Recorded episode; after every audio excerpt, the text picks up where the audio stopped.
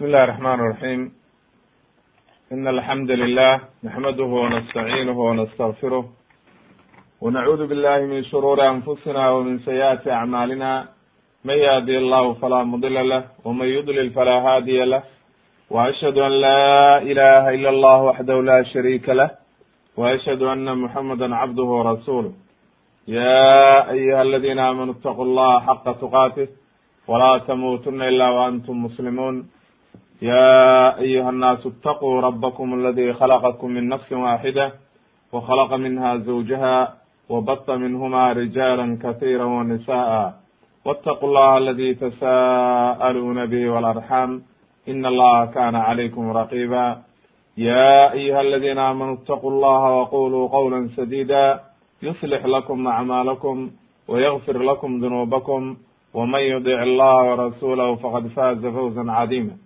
أما بعد فإن أصدق الحديث كلام الله وخير الهدي هدي محمد صلى الله عليه وسلم وشر الأمور محدثاتها وكل محدثة بدعة وكل بدعة ضلالة وكل ضلالة في النار in sha allahu tabaaraka watacaala haddii rabbi idmo waxaan sharaxaynaa qisatu nabiyullahi muusa calayhi salaam ayaynu soo gaarnay silsilatu qasas alambiyaa nabiyullahi muusa calayhi salaam qisadiisii oo aada u dheer ayaynu bilaabeynaa sharaxaynaana haddii rabbi idmo.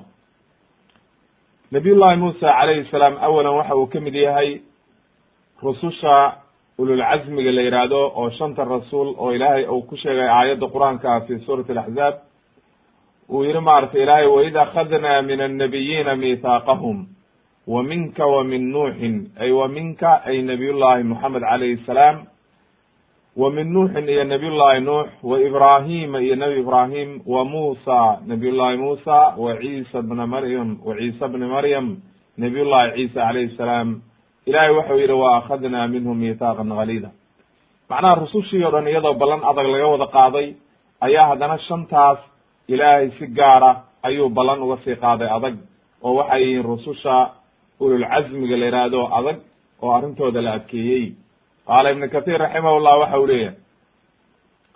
Ilahay kitaabka qur'aanka waxa uu ku sheegay qisatu muusa calayhi salaam oo aad iyo aad meelo badan aad ugu soo aroortay.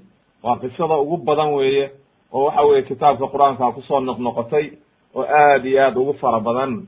Leanna sababtu waxa weye reer bani israa'iil oo waxa weye la siiyey tawraad ayaa ilaahay aada inooga sheekeeyey maadaama ummadihii ugu dambeeyey ay ahaayeen haddaba waxaynu keeni doonaa insha allahu tabaaraka watacaala kitaabka iyo sunnaha wixii ku sugnaaday iyo aqwaalu salaf asaalex sida ay u yaraadeen saxaabadii iyo taabiciintii iyo a'imadii iyo mufasiriintii iyo waxa ay ka yihaahdeen ayaynu keenaynaa insha allahu tabaaraka watacaala wixii ilaahay inooga fududeeyo.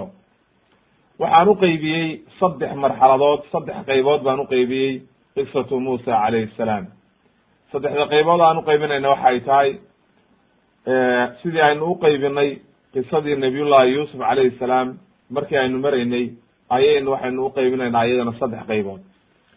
Marxalada ugu horeysa waxaa la yidhaha almarxalat alula fi qisati muusa calayhi salaam wahiya ma kana qabla albictha noloshiisa intaan rasuulka laga dhigin wixii uu soo maray ayaa weye marxalada ugu horeysa oo aynu ugu horumarinayno marxalada ku xigtana waxa weye waa marxaladii risaalada oo uu rasuul ka noqday isaga iyo fircoon wixii dhex maray ayaynu halkaana ku soo qaadayna. Marxalada saddexaadna ma kana bacda halaaki fircawn halaagii fircoon markii ilaahay uu halaagay kabacdi reer bani israa'iil iyo nabiyullahi muusa maxaa dhex maray iyo halkee bay noqotay arrintoodu. Saddexdaa qaybood ayaynu uqeybinaynaa waxaan isku dayayaa qiso qeyb walba inaynu fawaa'id ka soo saarno oo waxa weyanu fawaa'id ka qaadano haddaba marxalada ugu horeysa marxalat lula qeybta koowaad oo ah ma kana qabla albictha nabiyullahi muusa calayhi salaam intaan rasuulka laga dhigin oo loo dirin fircoon iyo wixii uu soo maray dhalashadiisii iyo waxa weye habkii uu soo maray ayaan ku soo qaadayna. Qodobka ugu horreeya wuxuu noqonayaa tacriifu muusa wa nasabahu calayhi salaam. Tacriif in la tacriifiyo nabiyullahi muusa nasabkiisana la sheego meesha uu galo ayaynu soo qaadanaynaa. Qaala ibnu kathir raximahullah waxa uu yihi waxaa la yidhahdaa muusa waa magaciisa ilaahay baa ku magacaabay oo waxa weye uma baahna magac kale oo waxa weye magaciisa isagoo aad baa loosugu itifaaqsan yahay leannahu aad bay kitaabka qur'aanka ugu soo nonoqotay muusa iyo haarun iyo marka nabiyullahi muusa ilahay kutub kitaabkiisa rususha uu ku sheegay in badanna ku soo celiyey buu ka mid yahay. Aabihii waxaa la ohan jiray marka musa bn cimrana cimraan ayaa aabihii la ohan jiray cimraan ayaa aabihii la ohan jiray. Awowgii waxa uu leeyahay waxaa la ohan jiray qahata. Cimraan ibni qahata ayaa la ohan jiray ibn ibni cazara awowgiisa labaadna cazar baa la ohan jiray buu leeyahay ibn kathir. Awowgiisa marka saddexaad oo waxa weeye awowgiisa saddexaad noqonaya ayaa waxaa wuxuu leeyahay ibn kathir waa laawiy laawiyana waxaa dhalay waa wiilashii nabiyullahi yacquub labiyo tobankii wiil oo nabiyullahi yacquub uu dhalay oo ka farcameen reer bani israa'iil ayuu ku abtirsaday buu leeyahay oo uu galaayo awow saddexaad doowa marka laawiy ibn yacquub ibn isxaaq ibn ibrahim calayhi salaam halkaa ayuu uge maaragtay ugu abtiriyey. Ibn kathir oo wuxuu yihi halkaasuu galaa nabiyullahi muusa calayhi salaam. Haddaba marka nabiyullahi muusa aabihi waa cimraan awowgiisana waa qahata awowgiisa labaadna waa cazir awowgiisa saddexaadna waa laawiy ibn yacquub. Marka yacquubba waxba kamaba socdaba awowga afraad buu unoqonayaa kabacdina yacquubna dee waxaa dhalay sidaynu soo cadaynay nabiyullahi isxaaq. Nabiyullahi isxaaqna waa nabiyullahi ibrahim baa dhalay. Khaliil raxmaan maaragtay calayhim asalaam kulligood ba ilahay ka raali noqdeen. Haddaba marka abtiriskiisa intaasaan uga gudbaynaa oo waxba ku sii dheeraan mayno. Qodobka labaad aan u soo gudbayna waxa weeye muusa calayhi salaam rasuulnimadiisii iyo nebinimadiisii iyo inuu ilaahay sheegay inuu ahaa mid mukhlis ah oo waxa weye diinta u khaalis yeela ilaahay. Qaala allahu tacala ilahi waxa uu yihi fi suurati maryam markuu ilaahay rasul badan uu nebiga amray inuu sheego oo mid walba wadkur ibrahima oo waxa weye kulli la soo waday ayaa ilaahay waxa uu soo gaaray nabiyullahi muusa calayhi salaam markii maryam iyo ciisa iyo muusa ee la soo sheegay nabiyullahi ibrahimi ayaa ilahay wuxuu yihi wadkur xus oo u sheeg fi lkitaabi kitaabka muusa nabiyullahi muusa inahu kana mukhlasan wa kana rasula nabiya waxa uu ahaa buu yihi mid diinta ilaahay u gaar yeelay. Mukhlis qofka ilaahay ku magacaabay waa nin derajo sare gaaray wey oo waxa weye alaa lilahi diin alkhaalis ilahay waxa uu aqbalaa diin khaalisa oo waxa weye keligii loola jeedo. Wa kana rasula nabiya marka macalshaahidkeenna waa halka aynu aayadda u keenay inuu rasuulna ahaa nebina ahaa. Leanna waxa weeye rasul nebinimadu waxa waxay noqotaa in ilaahay uu qofka waxyoodo nin loo waxyooday nebiya nebinimada tacriifteedu waxa weeye nin ilaahay u waxyooday waxyi min allah. Laakiin way dhici kartaa inta loo waxyooday inaan la amrin bitabliiqi risaala oo aan la odhan risaalada gaarsiiya dadka oo waxa weye isaga un loo waxyooday. Ama waxa weye haddii laakiin tabliiqi risaala la amro oo la yidhaahdo dadka dacwada ugu yeer oo la jahaad oo dadka dacwada gaarsii waa rasuul markaa. Marka wa kana rasula nabiya labadii derajaba waa isku qaatay. Rasuulka ayaa derajo sareeya marka ilahay wuxuu yihi wanaadaynaahu min janibi tuuri اlayman waqarabnaahu najiya. Ilahay wuxuu halkaan inoogu sheegayaa aayaddan inuu ilaahay fi tuuri sina waynoona imaan doontaa insha allahu tabaaraka watacala markau ilaahay la hadlay qeybta labaad baynu ku heli doonaa waynu ku gaari doonaa tuuru sina markii uu ilaahay maaragtay kula hadlay oo halkaa loogu dhawaaqay iyo siday ahayd qisadeedu wawahabnaa lahu min raxmatina akhaahu haaruna nabiya nebiyullahi haaruunna ilaahay waxa uu yihi waxaan uga dhignay raxmad iyo naxariis ayaanu ugu hibaynay oo isagaaba weydiistayba. nabiyullahi muusa markii tabliiqu risaala la amray oo la yihi orod fircoon u teg ayuu markaa ilaahay weydiistay inuu maaragtay haaruunna ku daro. oo waxa weye haaruunna nebi uu ka dhigo. oo u shafeeco qaaday markaasaa ilaahay ka aqbalay oo la yihi maaragtay wawahabnaa lahu. Ay macnaha isagaanu uhibaynoo siinay min raxmatina naxariisteeda akhaahu haaruna nabiya. Walaalkii haaruunna nebi baan uga dhignay. Halkaa marka aayadaha waxay noo caddeeyeen nebiyullahi muusa calayhi salaam inuu yahay rasuul yahayna nebi uuna maaragtay aayadaha hore aynu soo marnayna uu ka mid yahay min uli lcazm saddexdaa derajo isku wataa marka. Walaalkii haaruunna waxaa looga dhigay nebi ayaa looga dhigay. Qodobka saddexaad aan u soo gudbayna waxa weeye oo waxa weeye arrinta aynu ku tafsiilinayno bal addoonsigii la addoonsaday reer bani israa'iil oo fircoon uu addoonsaday carruurtoodana wiilashiina uu gowracay gabdhihiina uu waxa weye intuu nooleeyey is uu addoonsaday oo ku shaqaysanayey iyo arrintaa wixii keenay ayaynu halkan ku tafsiilinayna.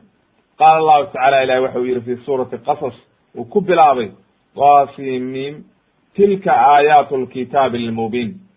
Macnaha kitaabkan qur'aanka oo lagugu dul akrinayo aayadihiisu aayado cadcad wey oo aan wax shakiya ku jirin. Ilaahay waxa uu yihi natluu calayka min naba'i muusa. Nebiga ayaa lala hadlaya calayhi salaatu wassalaam waxaan kugu dul akriyaynaa warkii nebiyullaahi muusa iyo fircoon dhex maray bilxaqi isagoo xaqa oo sidii uu dhacay.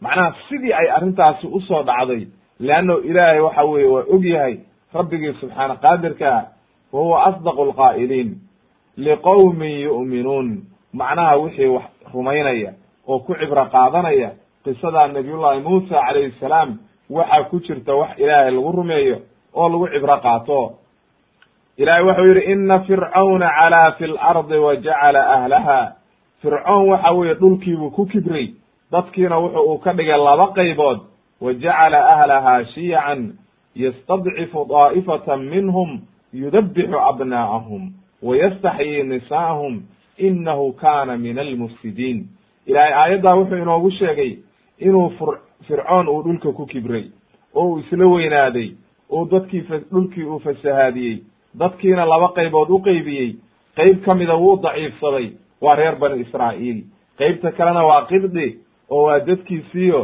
hadda waa la addoonsaday reer bani israa'iil. Oo waxa weye waxaa lagu sameeyey weliba inta la addoonsaday oo lagu shaqaystay oo dhulkii ku shaqaynayeen oo beeraha ku falanayeen ayay haddana waxay ugu dareen inay wiilashii ka gowracaan oo wiil alla wiilkii dhasha la gowraco. Waana inoo imaan doontaa sababta keentay in wiilasha la gowraco. Iyo haddana in dumarkii ay nooleeyaan oo dumarkoodiina ka faa'iidaystaan oo gabdhihii ku shaqaystaan hadday damaan hadday rabaanna ay ka guursadaan leannahu raggii guursan lahaa gowrace haddaba dhulkii saas uu fasahaadiyey fircoon. Ilaahay waxa uu doonay marka ilaahay waxa uu yihi wa nuriidu an namuna cala aladiina istudcifuu fi lardi wanajcalahum a'imatan wanajcalahum alwaarihiin ilaahay aayaddan wuxuu inoogu caddeeyey inuu isagu uu doonay in uu u gargaaro oo waxa weeye uu abaal iyo galad uu maaragtay ku u sameeyo reer bani israa'iil oo waxa weye dhulkii lagu addoonsaday uuna ka dhigo a'ima dadkii dadka hogaaminayey dhulkana uu dhaxal siinayo. Labadaa arrimoodba ilaahayga subxaana qaadirka ayaa la doonay reer bani israa'iil. Wanajcalahum a'ima a'ime ayaanu ka dhigay ka dhignay.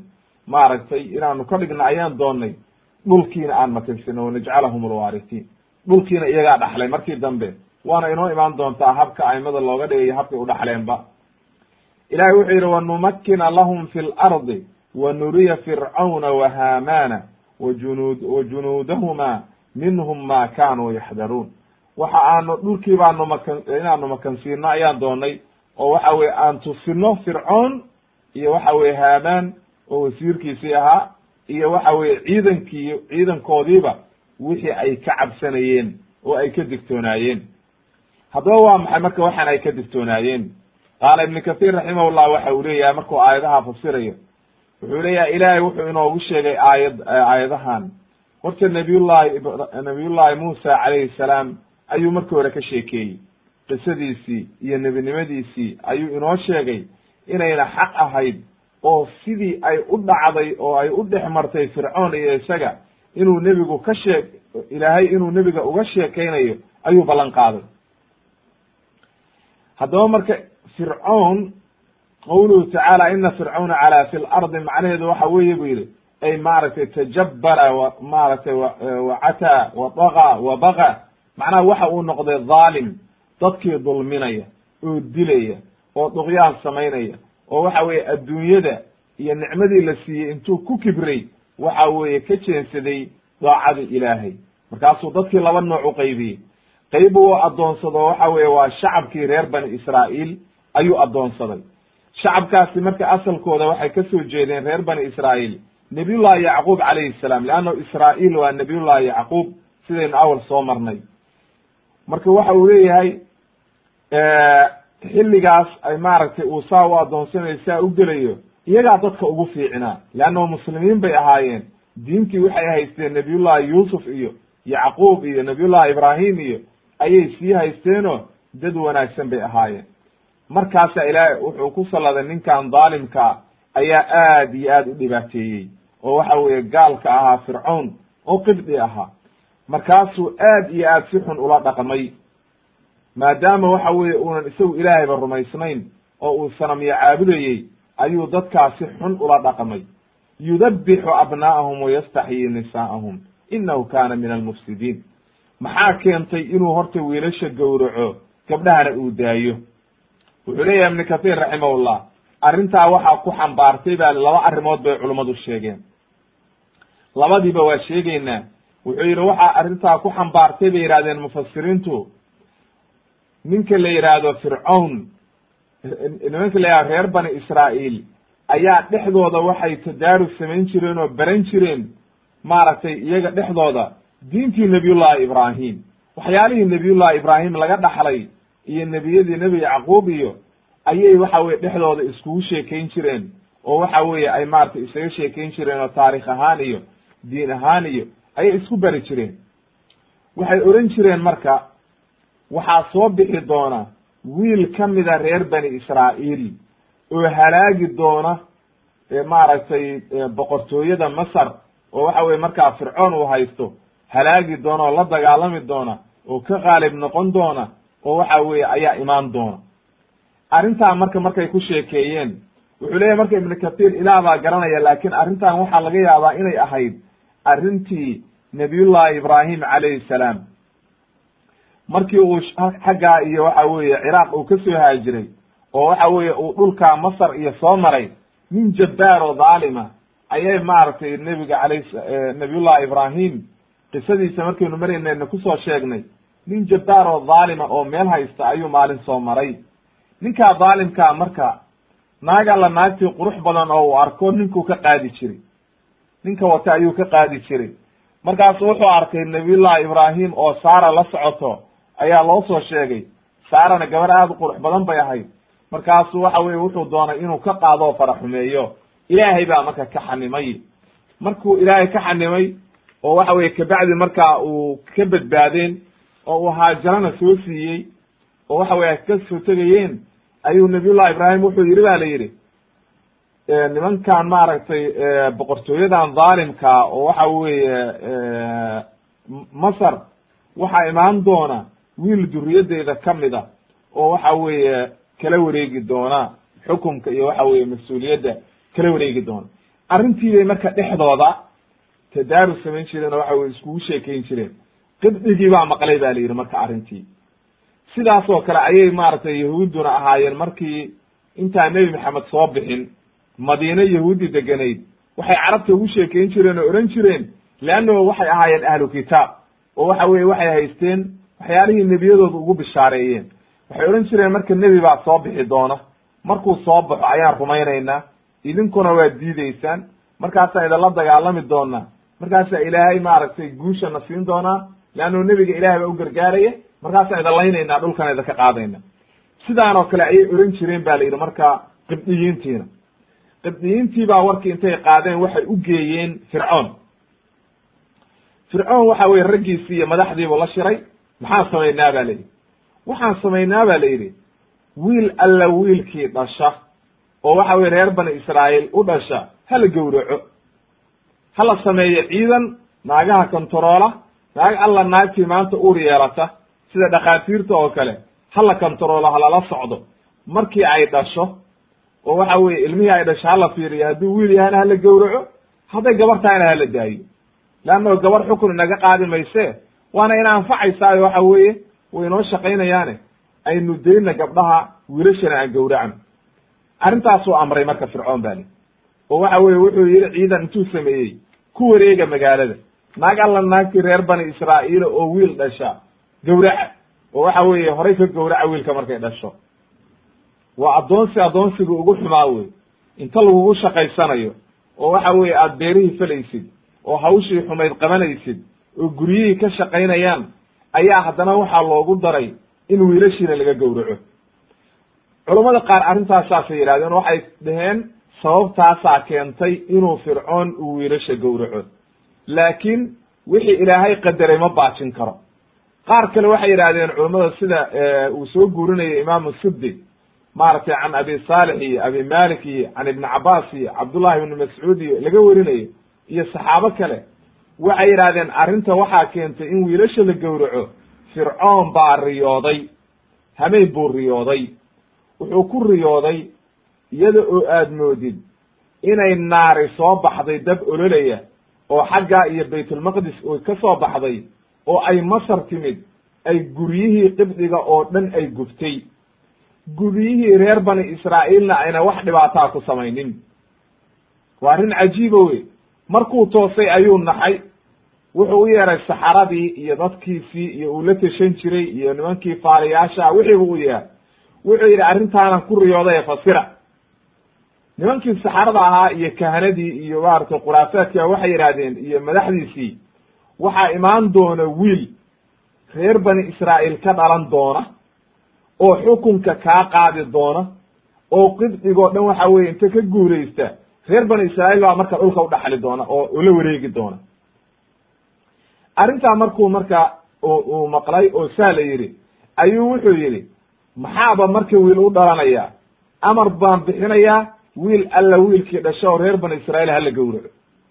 Yaanba la daynba. Magaalada waa in lagu wareegaa reer walba waa in lala socdaa qof walba oo dumara waa in lala socdaa wiil hadday dhasho oo waxa weeye ay maaragtay wiil dhasho hore ha laga gowraco. Amarkaasuu bixiyey. Marka culummadu labadaa arrimoodba way leeyihiin oo labadaa sababood ayaa keentay bay leeyihiin inuu ninkaani wiilasha gowraco haddaba marka sidaa daraaddeed baa ilaahay uleeyahay wa nuriidu an namuna cala aladiina istudcifuu fi lard waa la addoonsaday oo dadkan reer bani israa'iil dhibaato weyn baa lagu sameeyey oo reer bani israiil baa laga wadaa. Wanajcalahum a'imata wanajcalahum alwaaritiin ay maaragtay a'imatan fi ddiin diinta ayaanu aimo uga dhignay iyo waxa weeye dhulkiina waa dhaxal siinay oo waxa weye iyagaa lagu wareejiyey. Wa numakina lahum fi lardi wa nuriya fircauna wa haamana wajunuudahuma minhum ma kanuu yaxdaruun macnaha wixii ay ka digtoonaayeen oo ka cabsanayeen oo waxa weye dadkii ay lahaayeen xukunka ida ka qaadayaan oo waxa weye ay wiilasha u leynayeen intaasoo wiil buu gowracay baa la yidhi oo farihii ka batay oo aan la xisaabi karin ayuu gowracay.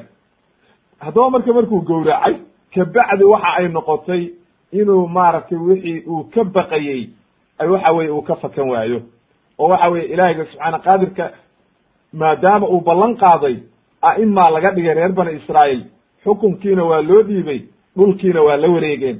Ilaahay ba aayad kale waxa uu ku leeyahay wa awratna alqawma aladina kanuu yustadcafuuna mashaariqa alardi wa maqaaribaha alatii baarakna fiiha wa tamat kalimatu rabbika alxusna cala bani israa'iila bima sabaruu.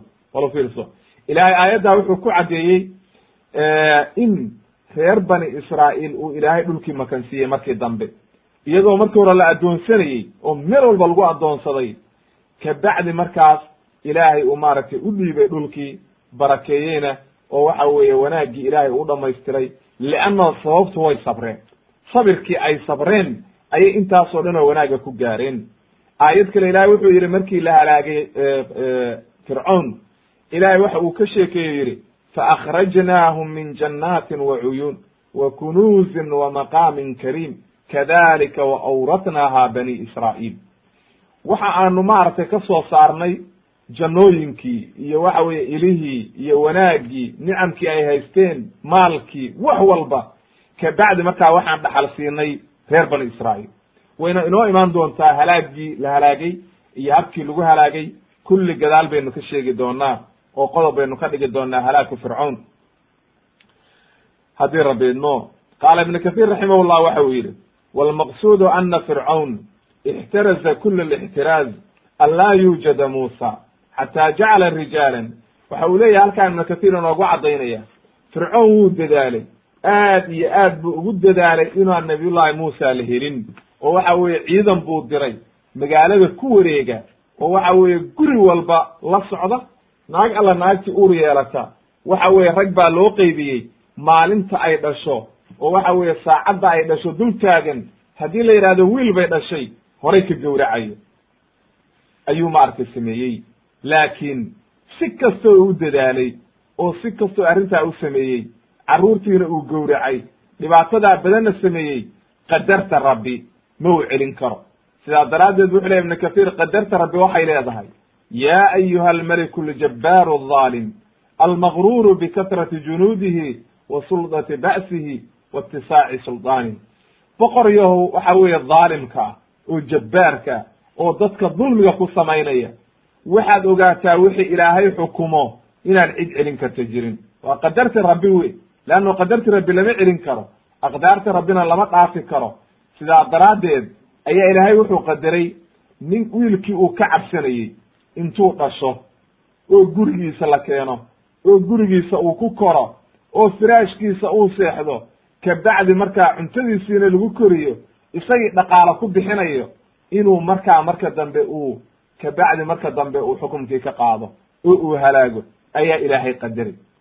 Marka qadartii rabbi lama celin karo leanno ilaahay wuxuu qadaray. Cid celin karta male hay markii uu kabacdi ilaahay uu nebi ka dhigayna uu beeniyey ayaa markaa noqotay in isagii la halaaga marka waxa ay sheegeen culummo badan oo mufasiriinta ah.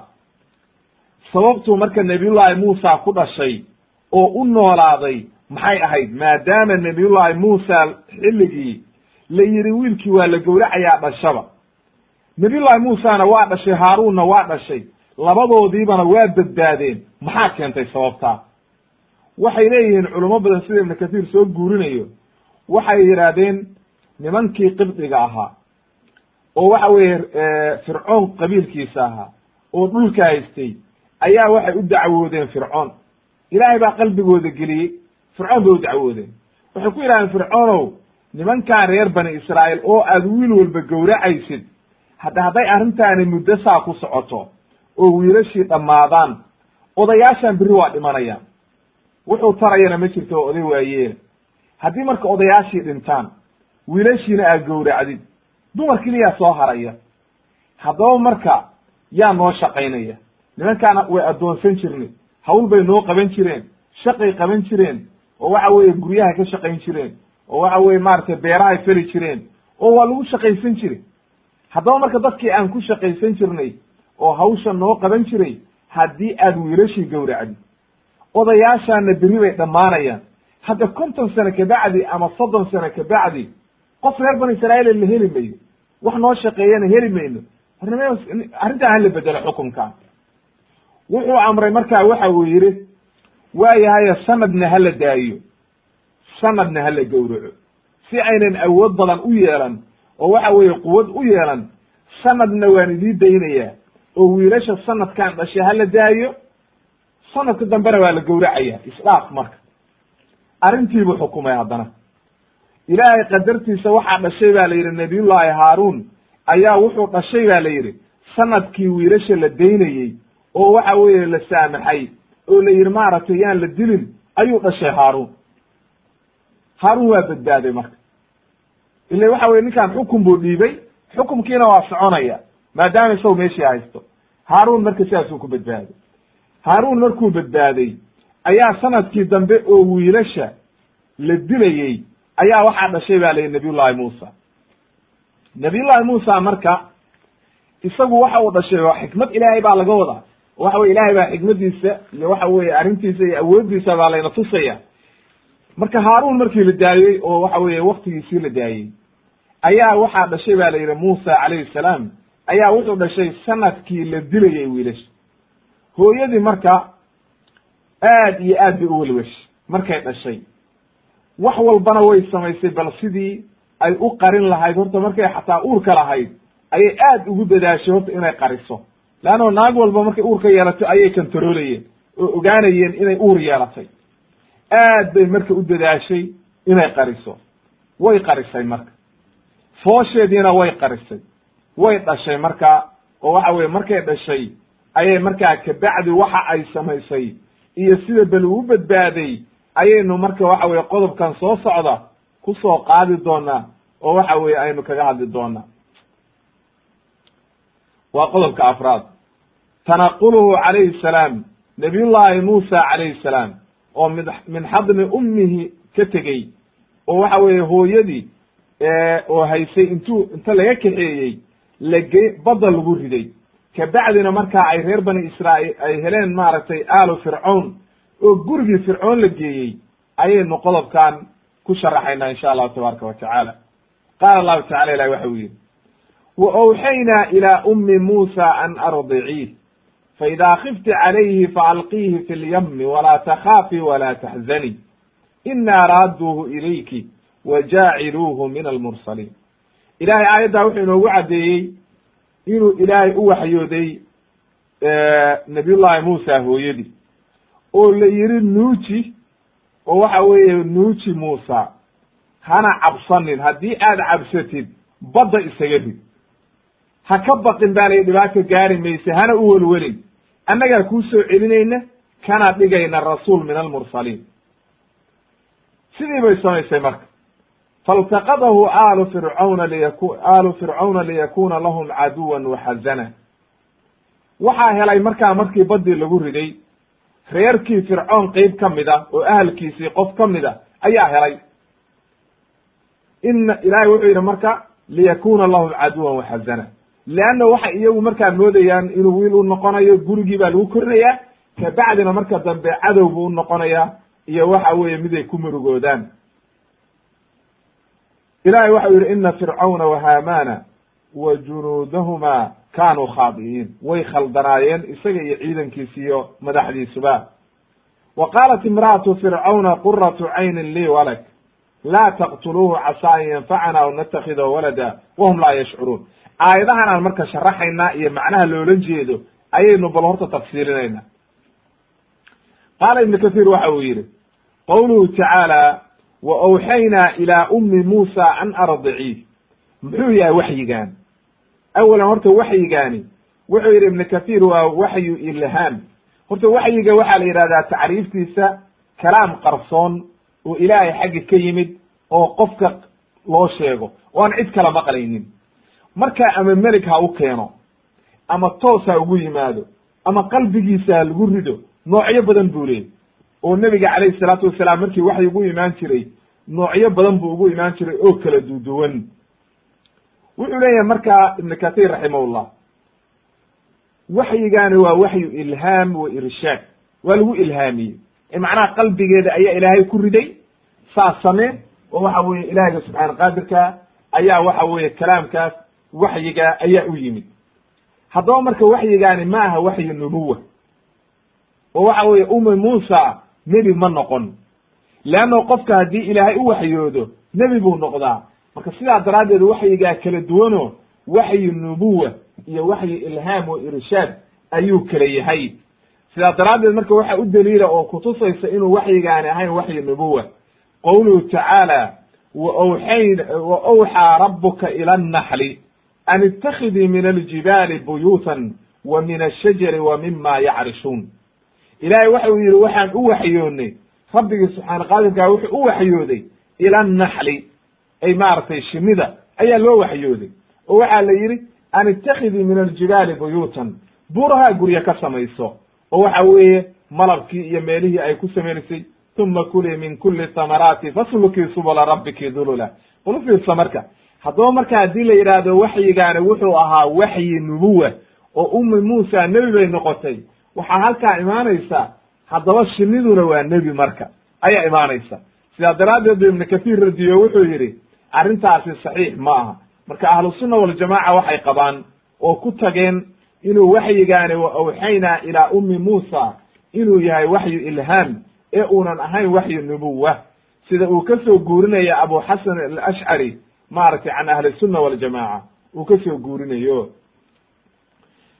Waxa uu yihi sidoo kale wuxuu ku radiyey marka ibnu kathiir maaragtay ibnu xazm iyo ahlu daahirka ayaa waxay yidhahdeen maye nebiyad bay ahayd maadaama loo waxyooday waa nebiyad wey marka sidaa daraaddeed qowlkaa waa laga raajaxsan yahay oo qowlka saxiixa waxa weeye lama hayo qof dumara oo nebi noqotay oo ilaahay uu nebi ka dhigay lama hayo ama rasuul laga dhigay.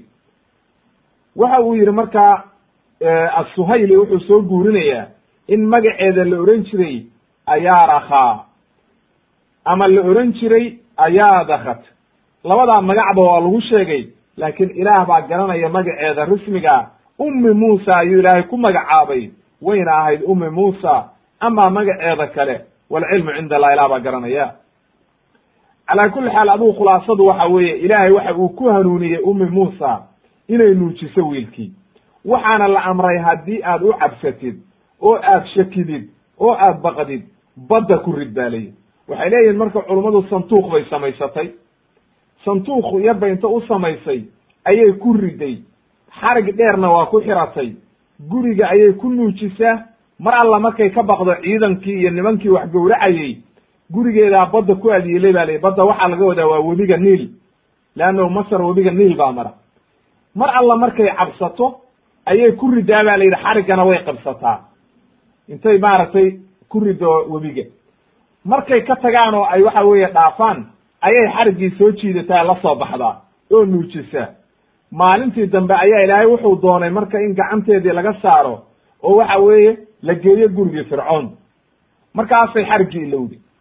Webigii baa la tegey marka oo wuu socday oo waxa uu iska socday. Laakiin ilaahay baa u ballan qaado wuxuu yidhi fa alqiihi fi lyammi badda ku rid walaa takhaafi ha cabsanin oo ha u cabsanin isaga walaa taxzanii hana ka welwelin innaa raadduuhu ilayki. Annaga ayaa kuu soo celinayna wa jaaciluuhu kana dhigayna min almursaliin rususha ilaahayna ka mid dhigayna arrintii marka samayn jirtay ba li mar alla markii marka ay arrintii samaysay maalintii dambe ayay ilowday xariggii ilaahay gacanteedu ka saaray badii baa webigii baa la tegey. Ilaa iyo waxa weeye uu geeyey gurigii fircoon agtiisa ilaahay waxa uu yidhi faltaqadahu aalu fircawna waxaa helay markaa ahalkii reer fircoon qeyb ka mid a ayaa soo qaaday. Liyakuna lahum caduwan waxazana ayuu yidhi ilaahay. Ay macnaha alcaaqiba cirib dambeedka ayuu wuxuu u noqonayaa miday ka welwalaan oo cadow u noqda oo la dagaalama ayuu ka mid ayuu noqonaya waxay leeyihiin marka culamadu sida ibnu kathiir uu soo guurinayo waxay sheegeen mufasiriintu buu yidhi inay gabdh gabdha soo qaadeen oo waxa weye gabdhihii guriga ka shaqaynayey ama waxa weye gabdhihii aalkii fircoon isagu ilmo ma dhalin ba la yidhi laakiin kollay dadkiisii dad ka mid a ayaa soo qaaday. Baddii ayay markay webigii ka soo qaadeen oo ay santuuqan arkeen ayay waxay u keeneen gurigii fircoon bay keeneen. Waxa uu qabaa marka fircoon markaa oo xaaskiisa maaragtay asiya binti mazaaxim waxay leeyihiin marka binti mazaaximtaas waxaa dhalay oo waxa weye ay ka soo jeedaa ninkii boqorka ahaa markii uu haystay markii nabiyullahi yuusuf calayhi salaam. Xilligii yuusuf uu masar yimid.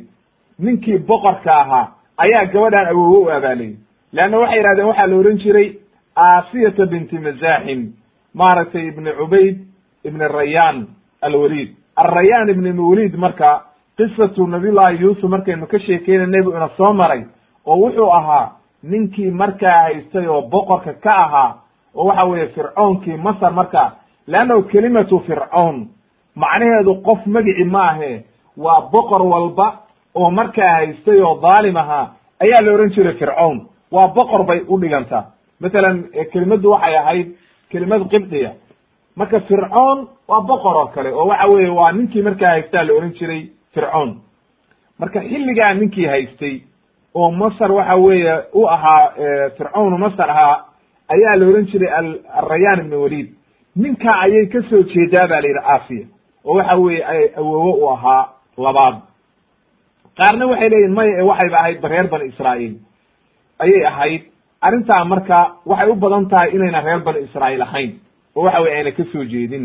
Ayay u badan tahay oo culummadu ay u badan yihiin markii marka ay u keeneen hadi waa qofkii boqorka dhan oo magaalada haystaa qaba waxa weye gurigeedii markii loo keenay wiilkii santuuqii bay furtay. Mise waxa weye wiil yar oo waxa weye hadda dhashay baa ku jira oo waxa weye wejigiisa aada u qurux badan yahay oo waxa weye nuur iyo waxa weye nicam ay ka muuqato ilaahay qalbigeediibu wuxuu ku riday jacayl way jeclaatay marka. Aad bay u jeclaatay leanno ilmana ma ay lahayn. Ilmihii bay soo qaaday marka iyadoo ilmihii haysa ayaa fircoon yimid marka.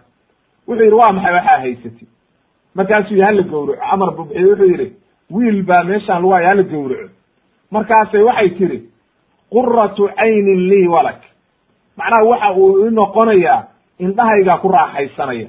Adigana waad ku raaxaysanaysaa maaragtay hadilin ay maaragtay kada markaasuu wuxuu yidhi ba la yidhi adiga wuu ku yahay laakiin aniga imaah ma raba anigu mana doonayo markaase waxay tihi laa taqtuluuhu. Hadilin casaa an yanfacanaa waxaa dhici karta inuu na anfaco. Ay maaragtay sida ka nafci lcabiidi sida addoommada oo kale. Inuu weynaado noo shaqeeyo ayaa dhici karta. Ee hadilin adduun iyo aakhiraba. Adduunka inuu na anfaco. Haddaba wixii iyadu ay rajaysay oo waxa weye ay ilaahay ka malaysato way heshay.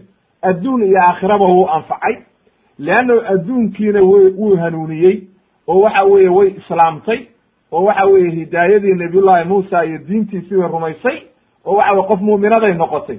Aakhirana haddi jannay gelaysaa oo sababtii ayay sababtiisii ayay jannada ku gashay leanno maadaama ay rumaysay iimaanna laga helay ayay saa ku gashay marka jannadii.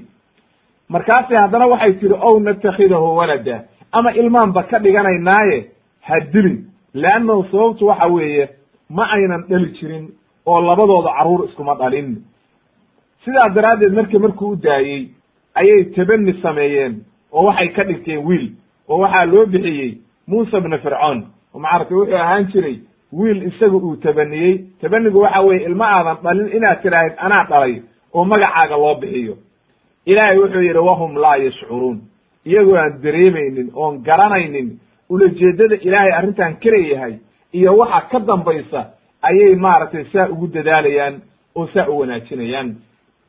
Haddaba marka halkaa waxaa inooga caddaatay nabiyullahi muusa calayhi salaam isagoo wiil yar ah oo halkaas santuuq ku jira ayaa ilaahay qaaday halkaasaa la geeyey fircoon gurigiisii ayaa la geeyey marka. Bal ilaahay qudradiisa iyo awooddiisa u fiirso ninkii ka fakerayey oo waxa weeye ku dadaalayay inaan wiil maanta uuna fakan ayaa gurigiisii loogu geeyey oo laga dhigay inuu isagu marka koriyo oo isagu ku dadaalo waxa weye uu koriyo. Waana sannadkii wiil walba la gowracayey. Marka qudradda ilaahay ayaad halkaa ka garanaysaa iyo waxa weye sida ay belo-aadmigu waxba ayna kala garanaynin oo iyagu waxbay ku dadaalayaan laakiin rabbigii subxaana qaadirka ahaa waxa uu doonayo ayuunbaa meel maraya. Qodobka shanaad oo aan u soo gudbayno waxa weeye cawdatu muusa calayhi salaam ilaa xadaanati ummihi nabiyullaahi muusa calayhi salaam oo mar labaad loo soo celiyey hooyadii. Leanno ilaahay waatuu yidhi innaa raaduuhu ilayki bal marka sababtii loogu soo celiyey iyo habkii loogu keenay ayaynu halkaana ku tafsiilinaynaa haddii uu rabbi idmo. Qaala allahu tacaala ilaahay waxa uu yidhi wa asbaxa fu'aadu ummi muusa faariqa in kaadat latubdii bihi lowlaa an rabadnaa calaa qalbiha litakuna min almu'miniin ilaahay aayaddaa wuxuu inoogu caddeeyey ummi muusa inay qalbigeedii welwelay oo waxa weeye ay aad iyo aad u welweshay oo wax walba waxay leeyihiin marka culummadu faariqan waxaa laga wadaa sida cabdullahi ibn cabbaas iyo ay macnaha nabiyullaahi muusa mooye wax kale oo dhan adduunyo kale oo dhan qalbigeedii waa ka baxay. Muusa unbay ka welwelaysaa waxay ku sigatay inay muujiso oo tiraahdo wiilkan anaa dhalay ee hala isiiyo laakiin ilaahay baa sabir siiyey oo waxa weeye qalbigeedii adkaysiiyey oo sabir ka buuxiyey oo sugay in aynan arrintii caddaynin. Sababta ilaahay saa u sameeyeyna waxa weeye litakuna min almu'miniin. Haddaba nabiyullaahi muusa calayhi salaam hooyadii mu'minad bay ahayd ilaahay bay rumaysay waxayna ahayd qof mu'minada oo waxa weeye rabbi radia allahu canha ilaahay ka raali noqdee. Wa qaalat liukhtihi qusi markii ay ogaatay in marka wiilkii lala ay halkaa uu tegey ayay waxay tihi gabar ay dhashay oo muusa la dhalatay. Ayay waxay ku tihi orod qusiihi ay ittabici asar asarahu macnaa orod bal soo raadiyo arrintiisa iisoo ogow. Oo waxa weeye khabar iiga keen bal meesha uu ku dambeeyey. Fa basurat bihi can junubin ay can bucdin meel fog bay ka aragtay gabadhii iyadoo waxa weeye nabiyullaahi muusa oo waxa weye wiilkii yarkaa lagu xoonsan yahay oo la hayo oo la doonayo qof dumara oo nuujisa oo uu diiday maaragtay inuu maaragtay nuugo ayay aragtay. Qaala allahu tacala ale waxa uu yidhi wahum laa yashcuruun iyagoon dareemeynin wa xaramnaa calayhi almaraadica min qabl. Ilaahay wuxuu aayaddaa inoogu caddeeyey waxa aanu ka xarimnay buu yidhi naas inuu nuujiyaan dumarkii kale. Macnaha ilmihii markii loo keenay khasab waa in la helo ilmahani waa in wax nuujiye la helo. Ilmo yaro wey caanihii waa diiday. Sida inoo imaan doonta. Wixii o dhan waa wada diiday leanna ilahay baa ka xarimay. Wa xaramnaa calayhi almaraadica min qabl. Waa laga xarimay inuu naaskii nuugo. Oo waxa weye uu ogolaado dumarkii kale oo dhan ayaa ilaahay ka xarimay. Waxay leeyihiin culummadu hadba qof baa lagu duwaa. Hadba qof dumaroo irmaan baa la keenaa. Waa lagu duwaa waa diiday uu. Neg afkuu qabsaday caanaha loo keenay waa diiday. Kulli markuu diiday ayay waxay sameeyeen ayaa la qaado oo waxaa la yidhi bal halala wareego suuqa iyo geeyo dumarka ku wareejiya. Midii uu ogolaado bal hala arkee bal ku wareejiya dumarka ama dumarka baadiyaha ka imaanaya iyo kulli. Gabadhii marka markay aragtay iyadoo suuqii lagu xunsanyayo wiilkii la wareejinayo ayay hadasho waxay tidhi hal adullukum waa walaashi waxayna iska dhigaysaa isqarinaysaa hal adullukum maydan tusiyaa calaa ahli beytin reer yakfuluunahu lakum. Arrintiisa waxa weeye damaanad qaadaya oo waxa weeye mas'uul ka noqonaya oo hagaajinaya wahum lahu naasixuun una naseexaynaya oo wanaag u samaynaya. Waxay leeyihiin culummadu marka sida cabdullahi ibnu cabbaas iyo waxay ku yidhahdeen maxaa ku ogeysiiyey? Arrinta aad sheegaysid maxaad ku ogaatay markaasay siyaasad siyaasad bay samayso waxay tidhi maaragtay rakbatan maaragtay waxay jecel yihiin fii suruuri lmelik wixii boqorku ku farxayo maadaama wiilkaani gurigii boqorka laga keenay. Haddii reerkaani waxay rabaan inay boqorka ka farxiyaan inay waxa weeye aasiya ay faraxdo oo waxa weye arrintaasay doonayaan. Ee ma ay ulajeedo kala ma wataan. Na natus baa la yidhi marka. Waa la soo qaaday gurigii hooyadii baa la keenay wiilkii baa loo dhiibay naaskii baa lagu duway wuu nuugay markaa naaskiibuu ku dhegey markuu naaskii nuugay marka oo ku dhegey ayaa markaa waxa weye loo bishaareeyey aasiya oo waxa weye inta gurigii la yimi fircoon ayaa loo sheegay oo waxaa la yidhi qof dumaraa loo helay oo wiilkii ogolaaday oo naaskeedii uu nuugay. War iigu yeeray tiri ii keena marka oo waxa weye aniga ii keena marka qofkaa dumarkaa waa la keenay marka umme muusa iyadoo wiilkeedii wadata ayaa la keenay. Markaasay waxay ku tiri aasiya markay aragtay wiilkii caana ka dhergo iska aamusan oo waxa weye naaski iska nuugaya ayay waxay ku tiri gurigayga joog adiga iyo ilmahaaguba halkaan jooga wiilkaana kori agtayda ku kori. Way diido waxay tiri waa ka cuudaarto waxay tiri aniga carruur baan leeyahay nin baan leeyahay reer baan leeyahay haddii aad rabtid waa kuu nuujinaya laakin gurigaygaan ku nuujinaya haddii kalena ma awoodo arrintaas waayahay bay tiri marka qaado orod la tag. Oo waxa weye gurigaaga la tag. Lacagna waa u qortay. Dhar bay siisay. Lacag bay siisay. Cuntay siisay. Mushaarna waa u qortay. Oo waxay tidhi halkaa waxa weye marka ku nuujiyo kori. Ilaahay sidaas daraaddeed marka wixii uu ballan qaaday waa u oofiyey. Leanno ilaahay waa tuu yidhi maaragtay inaa raaduuhu ilayk aayad kalena ilaahay wuxuu ku yidhi maaragtay faradadnaahu ilaa ummihi kay taqara caynuha walaa taxzan walitaclama ana wacd allahi xaq bal u fiirso ilaahay waxau yidhi waanu celinay hooyadiisaanu u celinay si ay u ogaato si ay maaragtay indheheedu ugu qabowsadaan oo ay ugu faraxdo aynan una welwelin ayna u ogaato wacdiga ilaahay iyo ballanta ilaahay inay xaq tahay marka ballantii waa loo oofiyey oo waxa weye waatuu ilahay yidhi inaa raaduuhu ilayk maxaa dhiman marka ballantii labaad baa dhiman wa jaaciluuhu min almursaliin. Iyadana gadaal bay ka imaanaysa oo ilaahay baa gadaal wuxuu ka dhigayaa rasuul. Marka sidaa daraaddeed ballantii ilaahay uu galay ilaahay waa u oofiyey. Laakin walaakina aktarahum laa yaclamuun. Dadka inta badane ma garanayaan oo waxa weeye ina wacdallahi xaq ina allaha laa yukhlifu lmiicaad ilaahay wixi uu ballan qaado waxa weeye ilaahay waa oofinaya. Sidaa daraaddeed marka ayaa nabiyullahi muusa calayhi salaam gurigii fircoon inta la geeyey laga soo celiyey haddana oo lagu soo celiyey gurigii hooyadii. Oo waxa weye halkaa marka cid dambe oo laga baqayo iyo gawrac dambe iyo waardiye dambe oo laga baqayo ma jiro. Leanna wuxuuba noqdayba wiil ka mida reer boqor oo waxa weeye gurigii boqortooyada wiil laga keenay ayuu noqday. Yaaba damboo markaa ka cabsanayaba gawrac iyo waxa weeye arrintaas damboo laga cabsanayo ma jirto wey sidaa daraaddeed nabiyullahi muusa calayhi salaam markii ilaahay uu risaalada u dhiibay oo rasuulka ka dhigayey arrintan waa loogu abaal sheegtay ilahay waa ugu abaal sheegtay. Oo ilaahay wuxuu yidhi walaqad manannaa calayka maratan ukhraa hadda ka hor ayaa waxa weeye ilaahiyga subxaana qaadirka wuxuu yidhi mar hore ayaanu ku wanaag samaynay. Id awxaynaa ilaa ummika maa yuuxa.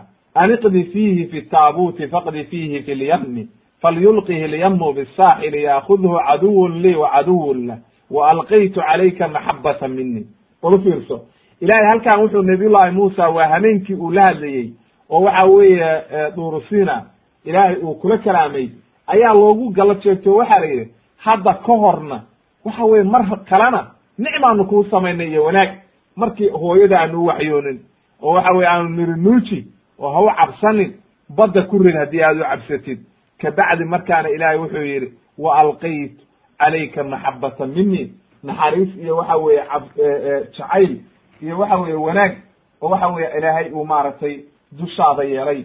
Sidaa daraaddeed ayuu wuxuu ahaa nabiyullahi muusa qof walba oo arka waa jeclaan jiray.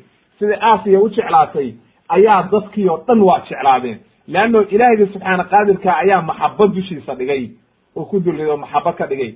Mid la jeclaada ilaahay baa ka dhigay walitusnaca calaa cayni. Haddana waxa weeye rabbiga subxaana qaadirka wuu la socday oo intaasoo dhan macnaha wax walba intaa hadda uu meel tegayey guriga fircoon la geynayey laga soo celinayey intaasoo hadda meel uu u kala gadoomayey intaasoo dhan waxay ahayd ilaahayga subxaana qaadirka ayaa xifdinayey oo ilaalinayey oo u jeeday oo arrintaasoo waxa weye ay ku imaanaysay wey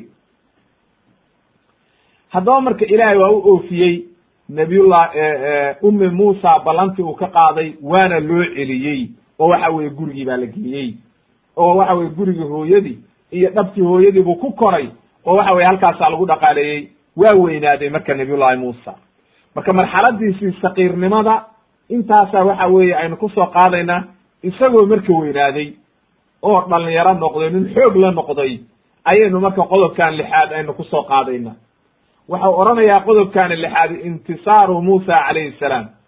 Lilisraa'iiliyi wa qadaa'uhu cala alqibdiy nabiyullaahi muusa calayhi salaam oo u hiiliyey nin reer bani israa'iila. Dilayna nin reer qibdiya laba nin baa dagaalantay. Nini wuxuu ahaa reer bani israa'iil.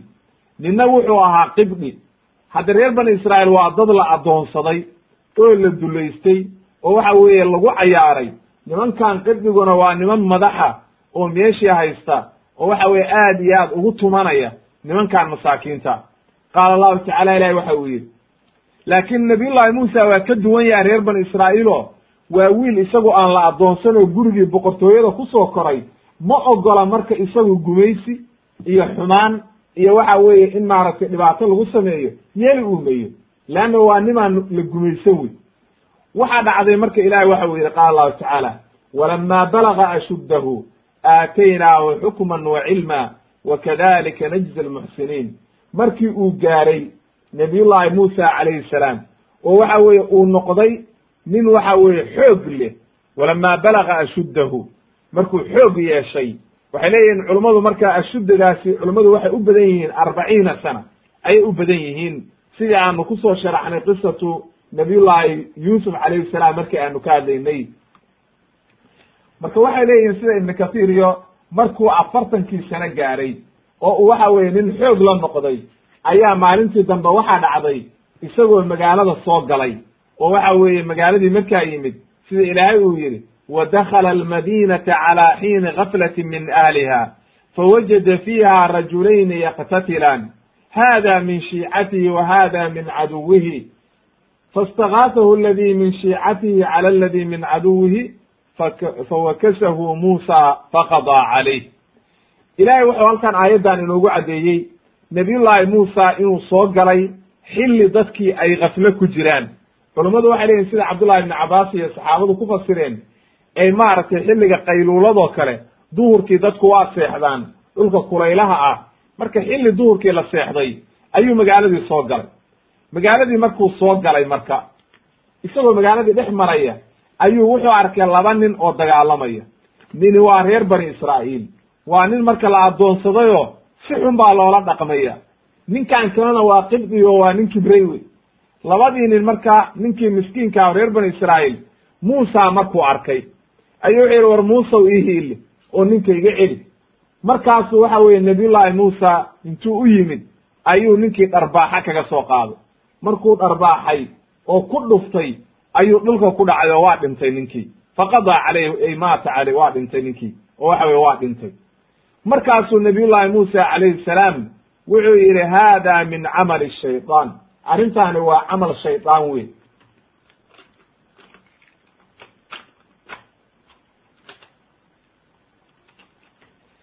hada min camali shayطaani ayuu yihi inahu caduwu mudilu mubiin sababtu waxa weye nabiyullaahi muusa ma rabin. Ulajeedadiisana ma ahayn inuu ninkaan nafta ka qabto. Ee waxayd ulajeedadiisu inuu ninkaan ninka ka celiyo oo u hiliyo ayay ahayde ma uu doonaynin inuu ninkaan dilo weyn. Marka sidaa daraaddeed ayuu waxa uu leeyahay haada min camali shayطaan inahu caduwu mudilu mubiin. Ay maaragtay shaydaanku waa mid cadow dadka u ah oo doonaya inuu dadkii dhumiyo. Ilaahay buu u toobad keenay oo wuxuu yidhi qaala rabbi hada wuxuu yidhi rabbi ina inii dalamtu nafsii fakfir lii fagafara lah inahu huwa algafuur raxiim ilahay buu u toobad keeno wuxuu yidhi naftaydaan dulmiyey ilaahayow ilaahayow ii dembi dhaaf waan soo noqday waan kuu toobad keenay ilaahay waa ka toobad aqbalay waana u dembi dhaafay ilahayna waa gafuur raxiim wey markii loo dembi dhaafay ayuu ballan qaado o wuxuu yidhi qaala rabbi bima ancamta calaya falan akuna dahiiran lilmujrimiin waxaan ballan qaadayaa buu yidhi maadaamaad ii nicmaysay oo waxa weeye wanaaggaas oo dhan ii gashay inaanan qof dambe oo mujrima aanan u hiilin.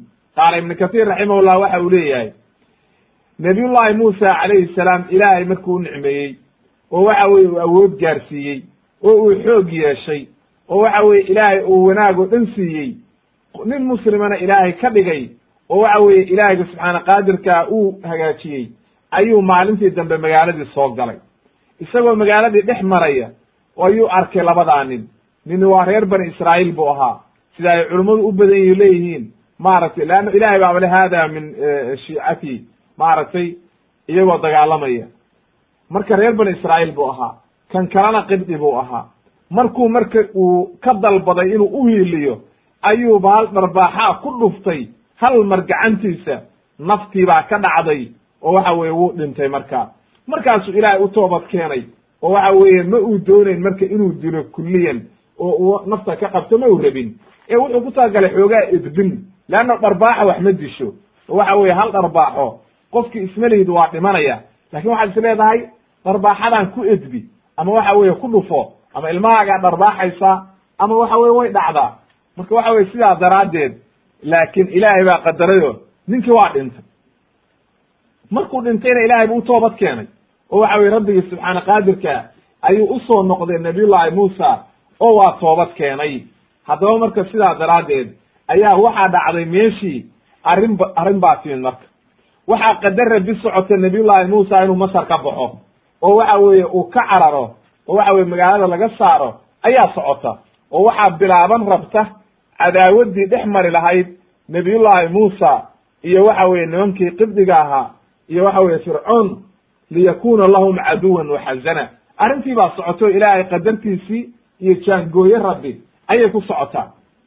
Haddaba marka qodobka toddobaad ayaa wuxuu odhanayaa maaragtay nabiyullaahi muusa calayhi salaam oo arrinkiisii uu banaanka u soo baxay. Oo waxa weye ay ogaadeen nimankii qibdiyiinta ahaa maadaama uu u hiiliyey inay maaragtay uusan ahayn marka nabiyullaahi muusa inuu yahay nin reer bani israa'iila leanno awalba waa laga shakisanaa. Oo awalba markii hore shaki baa jiray ninkaani ma reer bani israa'iil ba mise ma aha leanno waa wiil cidlo laga helay. Kaba kabacdi marka markay caddaatay inuu wiilkan u hiiliyey oo uu dilay nin qibdiya ayaa waxaa la ogaaday marka ninkaani inuu yahay nin reer bani israa'iila fircoon bay arrintii gaartay. Wuxuu yidhi ha la soo qabto hana la dilo qaala allahu tacala ilah waxa uu yidhi fa asbaxa fi lmadinati khaa'ifan yataraqab markuu shalow kale wiilkii dilay ninkii dilay reer ee qibdhiga ahaa ayuu wuxuu magaaladii ku waaberiistay isagoo dhuundhuumanaya oo cabsanaya ayuu waaberiistay markuu marka magaaladii ku waaberiistay isagiina uu cabsanayo o dhuundhuumanayo fa ida aladi istansarahu bilamsi yastasrikuhu wuxuuba arkayba haddana waaba markaasoo kii shalay uu uhiiliyey iyo mid kalaa haddana ishaysta markaasuu dhawaaqo wuxuu yidhi war muusaw ii hiili. Shalay waxa weeye kuu hiiliyey ood baxri gelisay. Maanta haddana waa kan. Marka waa meeshay soomaalidu ka ohan jireen doqon nabi muuse habaaray. Laakiin ma garanaya allahu aclam meela ka keeneen. Leanno ma hayno wax daliila iyo meeluu ku habaaray. Laakiin macnuhu waxa weeye war shalaad baxri gelisay. Waa tan uu nabiyullahi muusa markaasuu leeyahay nabiyullahi muusa siduu ilaahay yidhi qaala lahu muusa inaka laqawiyu mubiin. Kii buu canaantay marka reer bani israa'iil. Macnaha wuxuu u qarinayaa inaka laqawiyu mubiin. Macnaha nin xoog labaa tahay oo mubiina maalin walba ma waxaad ku jirtaa dhibaato weyn. Shalay dhibaataa ku jirta. Dagaal baad ku jirtay dhib baadna gelisay. Maanta haddana ma dhib kale aadna gelinaysa waa canaan wey oo macnaha sarbeeba oo macnaha war waxay dulligaa oo kale. Maalin walba ma dhibaataad adiga ku dhex jirtaa shalaad dhibaatana gelisay waa maxay? Maanta haddana arrintaa ku jirta canaan wey marka waa meesha soomaalidu ka yidhahdaan oo kale ilmahaaga markaa canaanaysid hebelow qof fiican baa tahay aduu saa ku soco. Macnaheedu waa tahdiid iyo canaan weeye ee ma aha ammaan falama araada an yabdisha biladi huwa caduwun lahuma. Nabiyullahi muusa markuu kii canaantay ayuu wuxuu is yidhi kii kale marka oo qibdiga ah oo cadowga u ahaa labadoodaba leanna waa reer bani israa'iil ayuu wuxuu damcay inu inta qabto garaaco. Kii baa dhawaaqay marka? Marka qowlkan culimmadu waa isku khilaafsan yihiin dib baynu ka tafsiilinaynaa aayaddan qaala ya muusa aturiidu an taqtulanii kama qatalta nafsan bilamsi? Qowlkaa yaa leh. Ma waxaa leh kii qibdiga ahaa? Laba nin baa meeshii ishaysata labadii nin qowlkan kee leh? Mise ninkii reer bani israa'iil ayaa nabiyullahi muusa markuu canaantay ayuu arrintan ku dhawaaqay. Waxay leeyihiin culummadu laba qowl bay ka leeyihiin. Qaar waxay leeyihiin ninkii qibdiga ahaa. Markuu nabiyullahi muusa u dhawaaqay oo nabiyullahi muusa uu canaantay oo yidhi nin xoog laa tahay bal waxaa ku jirta fiiri maalin walba. Oo uu soo dhaqaaqay ayuu wuxuu is yidhi aduuba ku dilayaa marka. Oo uu cabsaday. Oo wuxuu is yidhi wuxuuba kuu canaantay arrintaaduu ka xumaaday shalana dhibbaad gelisay marka hadda aduuba ku dilayaa sidii ninka uu shalay u dilay markaasuu dhawaaqay oo yidhi yaa muusa muusa ma waxaad doonaysaa inaa i dishid? Sidaas shalay ninkii u dishay miyaad rabtaa maanta inaa ii dishid? Dhulka inaad fasaahadisid baad rabtaa ma rabtid inaad dhulka wanaag ka samaysid. Haddaba marka qaar kalena culimmadu waxay leeyihiin maye ninkii qibdiga ahaa ayaa markuu soo aaday muusa intuu baqay. Maadaama shalana la maqlay nin baa nin dilay wax dilayna lama yaqaan. Ayuu wuxuu is yidhi allayle ninkii shala ninka dilay oo geesiga ahaa. Oo waxa weeye geesinimadaa leh. Nin kale ma noqon karo. Reer bani israa'iilna nin kaleoo geesinimadaa leh laguma hayee waa muusa marka. Markaasu wuxuu yidhi yaa muusa aturiidu an taqtulanii ma waxaad doonaysaa inaa i dishid? Sidaas shala ninkii u dishay. Haddaba labadaa qowlba culimmadu way leeyihiin. Waxayna u badan yihiin culimmadu ay leeyihiin inuu qibdigii yahay qowlku. Qaarna waxay leeyihiin maya waa ninkii reer bani israa'iil calaa kulli xaal ninkuu doonaba ha noqdee nabiyullaahi muusa calayhi salaam arrintiisi waa fashilantay.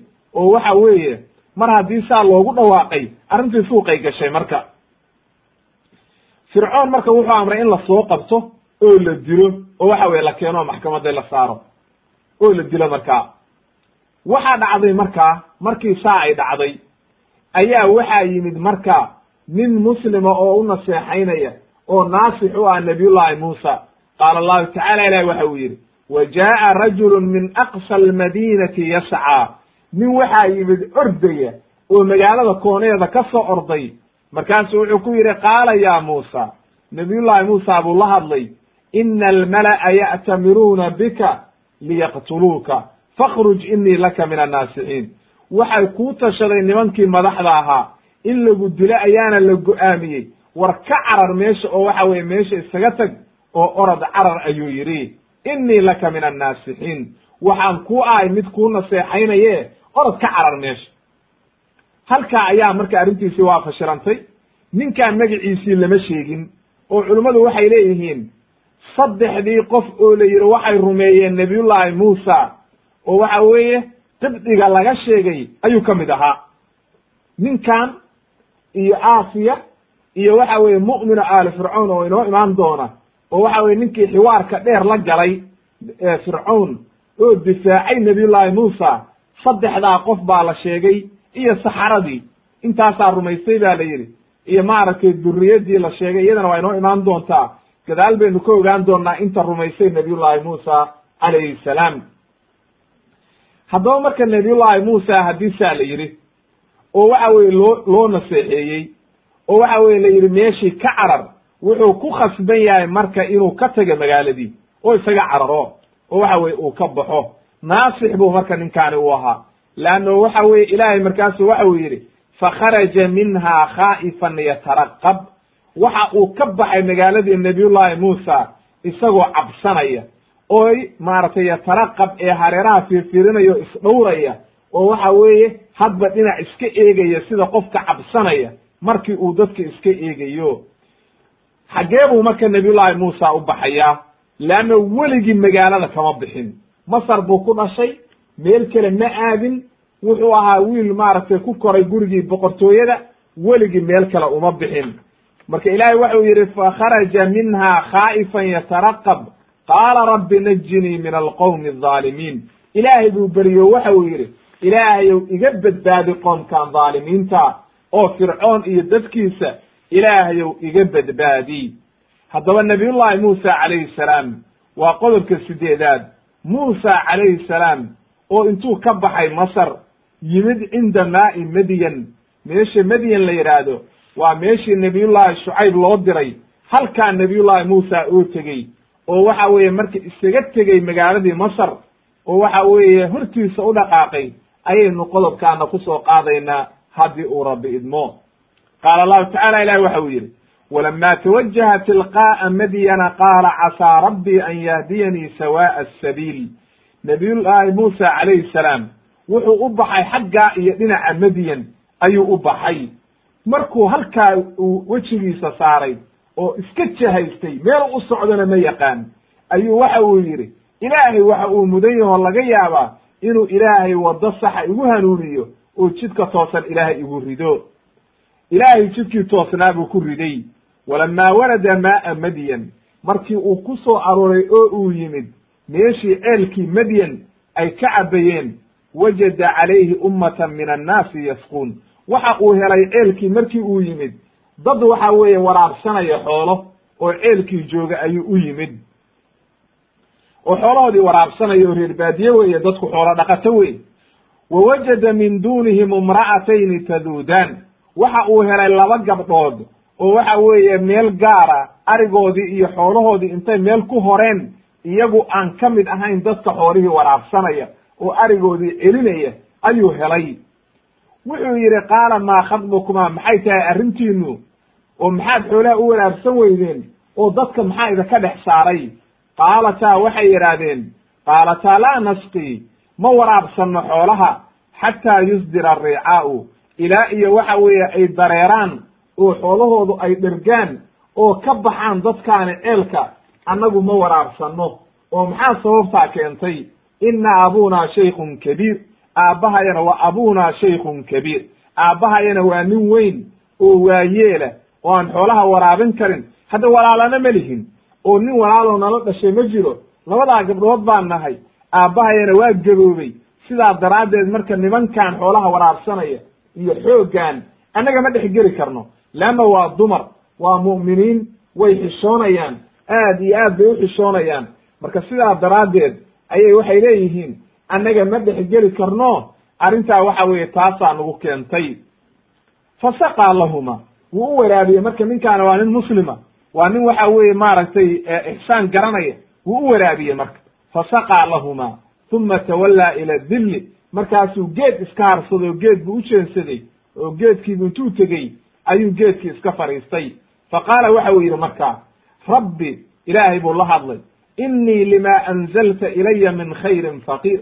Ilaahayow nicamkaad igu soo dejisay wanaagga aad ii gashay intaasoo dhan anoo kaaga shugri naqaya haddana faqiir baan ahay oo xoolo ma haysto keligay baan ahay dadkaygii ka soo tegey ilaahayow ii gargaar wey qaala ibnu katiir raximahullah ibnu katiir wuxuu yidhi aayadaha markuu fasirayo nabiyullaahi muusa calayhi salaam markii uu ka soo baxay masar isagoo aan meel la kala garanaynin oo cabsanaya ayuu hortiisa isaga dhaqaaqay. Markuu muddo socday oo waxa weeye uu xaggaa iyo madyan qaabilay ayuu ilaahay beryo waxa weeye ilaahay uu ka beryey inuu jidka toosan ilaahay ku hanuuniyo. Markii uu madyan marka yimid oo u yimid dadkaani marka ceelkan madyan nimanka madyan la yidhaahdo qisadooda waa soo marnay oo waxa weye waa nimankii asxaabul eyka oo waxa weeye nabiyullaahi shucayb loo diray weeye. Nabiyullaahi shucaybna waa inagii soo sharaxnay.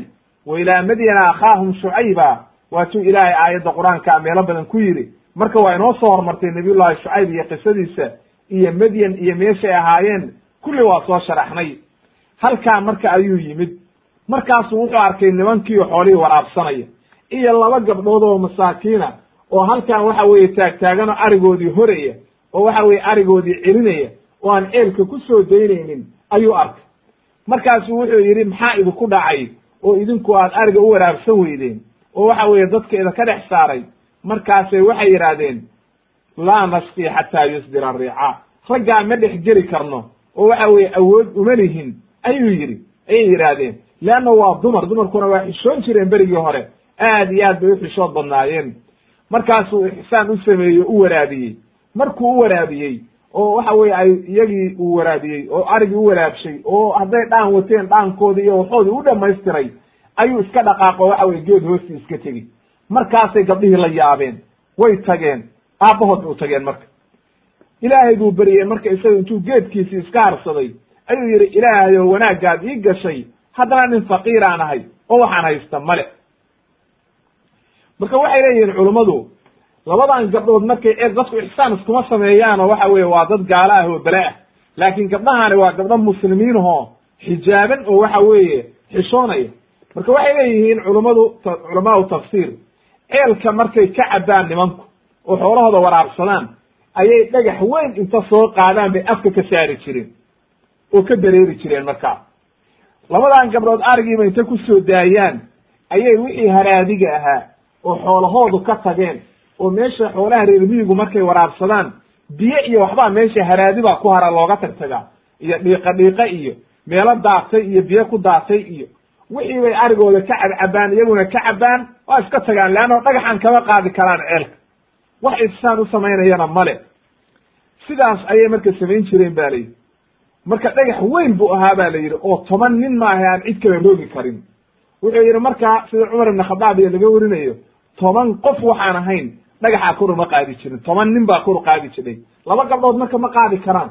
Waa dhib wey waxaa dhacday marka nabiyullaahi muusa intuu ka qaaday dhagaxii oo keligii ka qaado oo xagga u tuuray ayuu arigii u waraabiyey. Oo waxa weye waxoodii o dhan u dhamaystiray oo yidhi orda marka. Way iska tageen marka. Aabbahood bay u tageen. Qisadiiba u sheegeen. Arrintii bay uga sheekeeyeen.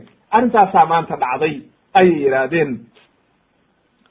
Marka qodobkan sagaalaad baynu waxaynu ku keenaynaa zawaajuhu nabiyullaahi muusa calayhi salaam oo guursaday gabdhihii labadii gabdhood mid ka mid ah ayaynu maaragtay qodobkan ku soo qaadaynaa uu sheikhi madyan dhalay gabdhihii wuxuu leeyahay ibnu kathiir raximahullah markuu nabiyullaahi muusa iska fadhiistay geedkii oo uu yidhi rabbi innii limaa anzalta ilaya min khayrin faqiir ilaahay ow nicamkaad igu soo dejisay iyo wanaagga haddana nin faqiiraan ahay ayaa labadii gabdhood maqleen.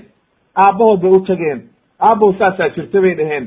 Marka waxay leeyihiin culummadu horta wuu isagii baa arrintii inkiray odagii wuxuu yidhi waa maxay maanta waad soo degdegteene wuu la yaabo war intaa kumayna imaan jirine maanta xaggee wanaagga ka hesheen. Waxay dhaheen aabbow arrin baa maanta dhacday. Ninka nin noocaasa ayaa wanaaggaa noo sameeyey. Arigiina noo waraabiyey. Waana nin aan dadka ka mid ahayn. Aan weligiina la arag.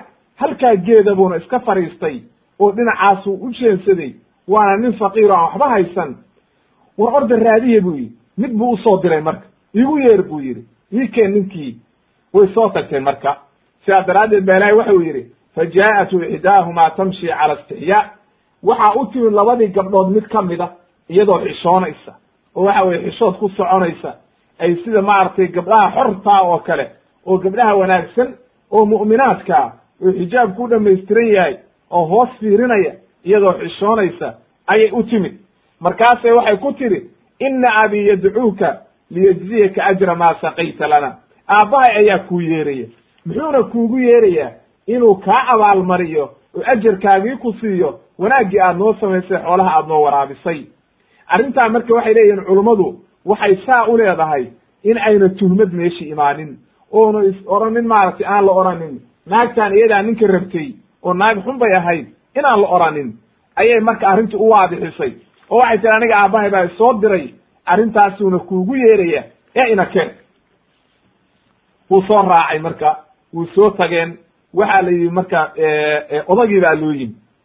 Falama jaa'ahu odagii markuu u yimid wa qasa calayhi alqasasa arrintiina uu uga sheekeeyey qisadii iyo wixii ku dhacay iyo arrintiisii iyo waxa weye wixii masar ka soo saaray iyo maaragtay dulmigii fircoon arrintii dhan markii uga sheekeeyey ayuu waxa uu ku yidhi odagii intuu hadlay shaykhii laa takaf ha cabsanin najawta min alqowmi adaalimiin dadkii dhaalimiinta ah ilaahay waa kaa badbaadiyey liannahu waa ka soo baxday xukunkoodii iyo magaaladoodii. Meeshaan iyaguma xukuma dhulkanaad u soo gashay ka nabad gashay marka. Marka waa sidii maaragtay nin qof inta cabsanaya oo dawladda ka cararayay dee dawlad kale u galay oo waxa weeye mana maaragtay ayna dhiibaynin wuxuu yidhi marka waad badbaaday ilaahayna waa ku badbaadiyey. Ee ha cabsanin. Oo waxa weeye ka aad badbaadaye waxa weeye ha cabsanin marka. Oo waxa weeye saacaddaa laga bilaabo waad ka badbaaday fircoon iyo dhibtiisii. Ee waxa weye waxba ha cabsanin. Culummadu waa isku khilaafeen ninkaas shaykhaa qaar waxay yidhahdeen waxaa la ohan jiray shucayb. Marka culamada qaar waxay leeyihiin shucaybkaani qaar waxay yihahdeen waaba nebi shucayb laftigiisii qaarna waxay yidhahdeen maya shucayb isagaa la oran jiray laakiin ma aha shucaybe. Waxa weeye dadkii nebiyullaahi shucayb rumeeyey oo mu'miniinta ahaa oo diintiisii haystay ayuu ka mid ahaa. Sidaasuu leeyahay xasan albasri iyo ayaa maaragtay ku keenaya culummo badan. Qaarna waxay leeyihiin maye wuxuu ahaa nin kale oo magac kalaaba la ohan jiray oo wuxuu ahaa nin un ka mid ah dadkii muslimiinta ahaa oo nebiyullaahi shucayb qoomkiisii rumeeyey ayuu ka mid ahaa. Qaarna waxay leeyihiin nebi shucayb calayhi salaam ayayba ilmo adeer ahaayeen. Magacyo badan baa la keenayaa iyo aqwaal badan. Waalcilmu cinda allah ilaahay baa garanaya. Qowlka ugu raajaxsan waxa weeye inuu ahaa nin mu'mina oo ka mid ahaa qoomkii shucayb rumeeyey oo asxaabu madyan ah nin ilaahay ka baqayo saalixana uu ahaa. Qowlkaasaa ugu raajixsan oo waxa weye maaragtay adilada waafaqaya. Qaar waxay leeyihiin magaciisa waxaa la ohan jiray yatruun ayaa la ohan jiray laakiin lama hayo waxa weye wax adilaa oo ku sugnaatay magiciisa oo saxiixa. Walcilmu cind allah ilah baa garanaya. Qaala ibnu kathiir waxau yihi raximahullah maqsuudkiiyo ulajeedadu waxa weeye ninkaani odagii markii loo keenay nabiyullaahi muusa oo uu karaameeyey oo waxa weye uu waraystay oo marti qaaday oo cunto siiyey soo dhoweeyey arrintiisiina uu ka waraystay oo u sheegay ayuu markaa waxa uu ku yidhi fa cinda dalika ayuu waxa uu ku yidhi markuu yidhi najawta min alqowmi dhaalimiin waad ka badbaaday markii uu yidhi. Oo waxa weye uu yidhi badbaaday waxa weye dadkii dhaalimiinta waa ka badbaaday ayaa labadii gabdhood mid ka mida ayaa hadashay. Qaalat waxay tihi sida kama qaala tacaala qaalat ixdaahuma. Labadii mid ka mid a hadasho waxay tihi yaa abati ista'jirhu aabbo waxa weye ninkan shaqaalo ka dhigo oo waxa weye kuu shaqeeyo ina khayra man ista'jarta alqawiyu alamiin laba sifo oo wanaagsan bay ku sheegtay oo waxay tidhi ninka aad kiraysatid ama shaqaalo kuu noqdo waxa ugu wanaagsan nin qawiya oo xoog leh haddana amiina oo waxa weeye aamina. Waxay leeyihiin marka culummadu sida cabdullahi ibnu cabbaas iyo shurayx iyo qataata iyo waxay leeyihiin waxa uu ku yidhi odagii maxaa ku ogeysiiyey ninkaani inuu xoog leeyahay? Maxaana ku ogeysiiyey inuu aamin yahay? Labadan sifo oo aad ninkan ku sheegtay maxaad ku ogaatay gabadhaydiyey waxa ay tiri gabadhii waa hadashay. Waxay tiri aabbow ninkaani waxaan ku ogaaday horta inuu xoog leeyahay oo qawi yahay dhagixii weynaa oo ceelka dusha laga saari jiray oo toban nin maahay aan cid kale rogi jirin waxaa rogay keligii. Ceelkii keligii baa dhagixii ka qaaday. Marka toban nin buu la xoog yahay oo u dhigmaa hadduuna kaba xoog badnay. Waxaan kaloo ku ogaaday bay tiri inuu aamin yahay. Markii aan u yeeray waa tii u yeedhay wey oo waxa weeye tii markii hore odagu u soo diray ayaa le aabow ninkan waxa weeya kuu shaqeey waa nin aamine. Waxay tihi markii aan soo kaxaynayey waan ka soo hormaray bay tiri markaasuu wuxuu igu yidhi gadaalkayga soo soco oo ha iga hormarin dhaqanka iyo caadada dadkii hore waxay ahayd qofka dumarka ay gadaal bay ka socon jireen ragga way xishoon jireen inay ragga hor socdaan ma ay jeclayn gabdhaha mu'minaadka. Innagaba dhaqankaasaynu lahayn haddeerba soomaalidu waa sidii oo waxa weeye dumarku waxay jecel yihiin daa'iman inaynan ninka ka hormarin. Marka waxay tihi ninkaani wuxuu igu yidhi gadaal iga soco oo iga soo dambee anaa kaa hormaraya. Haddii dariiqa aan khaldo dariiqu kala leexdo oo waddadu kala leexato. Dhinaca toosan oo saxdaa dhagax iigu tuur. Haba ila hadline dhagax ku tuura waxa dhahdaa si aan u garto ishaare ii samee. Marka waxaan ogaaday bay tii ninkaani aaminna inuu yahay. Ninka saa waxa weeye u xifdiyaya oo ilaahay ka baqaya waa nin aamina markaasuu odagii hadlay oo waxa uu yidhi intuu odagii hadlay markuu ogaaday ninkan wanaaggiisii ayuu odagii hadlo wuxuu yihi shaykhu madyan inii uriidu an unkixaka ixda bnataya haatayni calى an taajuranii tamaaniya xijaj fain atmamta cashran famin cindika wma uriidu an ashuqa calayka satajidunii in shaء allahu min asaalixiin wuu hadlo wuxuu yidhi waxaan doonayaa muusow niyow labadaydaan gabdhood horta mid ka mida inaan kuu guuriyo oo waxa weye aan mid ka mida gabdhahayga kugu daro laakin bishardi waxaa meherkeedu noqonayaa iyo iyo iyo iyo waxa weeye waxa aan kaa doonayo sideed sano inaad ii shaqaysid ayaan shardi kaaga dhigaya. Haddii aad toban iiga dhigtid oo laba iigu dartidna waa ixsaan adigu aad ii samaysay ee khasab kuguma aha. Waxaana ma doonaya buu yidhi inaan ku dhibo oo nin xunoo ku dhibo aan noqdo oo aan mashaakil kugu sameeyo. Waxaadna i heli doontaa nin wanaagsan inaan ahay oo saalixo ilaahay ka cabsanaya. Fa ajaaba muusa. Muusa ayaa ajaabay oo wuxuu yidhi oo jawaab bixiyey qaala dalika baynii wa baynika wa baynaka. Qaala dalika baynii wa baynaka. Arrintaas ayaa labadeenna ballan inoo ah buu yidhi ayuma alajalayni qadaytu falaa cudwaana calay. Haddaan sideedda sano inta dhameeyo iska tagana anaa xora oo waxa weye wax dhibaataa dushayda ma saarna. Haddaan toban kaaga dhigana anaa xora oo wax dhibaataa dushayda ma saarna. Haddaba marka waxa weeye arrintaas ayuu nabiyullaahi muusa caddeeyey wuxuu yidhi waa inaynu maaragtay saasaynu ku ballamaynaa oo waxa weye arrintaas ayaynu ku ballamaynaa marka. Marka ayaa waxaa dhacday inuu nabiyullaahi muusa markaa sideed sano ayuu kula heshiiyey odagii in uu u shaqeeyo oo waxa weeye haddii uu tobankaa dhammaystirana isaga ayaa xora. Waxa uu yidhi marka yaa inoo markhaantiya yaa arrinteena ballanta markhaanti ka noqonaya wax inoo kala qoraya wallahu calaa ma naqulu wakiil. Ilaahay ayaa inoo markhaantiyey buu yidhi wa huwa maaragtay ilaahaygii subxaana qaadirkaa oo waxa weeye wax walbana og ayaa maaragtay wax shahaado la gashadana ugu weyn.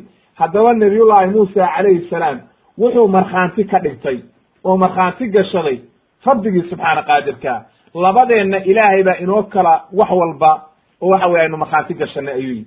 sidii baa lagu heshiiyey marka. haddaba nabiyullaahi muusa gabadhii buu sidii ku aroosay oo guursaday.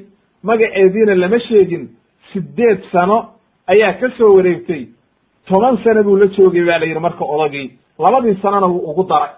Sideeddii sane markuu u dhameeyey ayuu labadii ixsaankaayadna ugu daray. Waxa maxaa u daliila markii labadii sano inuu ugu daray? Leanna aayaddu ma sheegin labadii sane. Waxa u daliila saciid ibnu jubayr baa waxa uu warinaya. Waxa uu yidhi aniga oo jooga maaragtay nin yahuudi a i weydiiyey xibra inagoo meesha isagoo jooga. Xibra waa meel weye magaceed. Ayaa waxa weydiiyey buu yidhi nin yahuudiya wuxuu igu yidhi buu yidhi ayu ajalayni qadaa muusa? Labadii waqti oo labadii ajal macnaha ma sideeddii sanuu dhammaystiray mise tobankii sanuu dhammaystiray keebuu dhammaystiray nabiyullaahi muusa?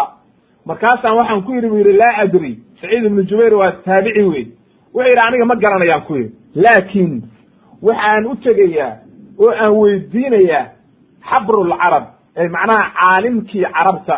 Waa cabdullahi ibni cabaas baa laga wadaa xabrulumma ee maaragtay ninkii caalimka ahaa oo mufasirka ahaa ayaa laga wadaa turjumaan lqur'aan cabdullahi ibni cabaas baan u yimid bu yidhi. Waan weydiiyey.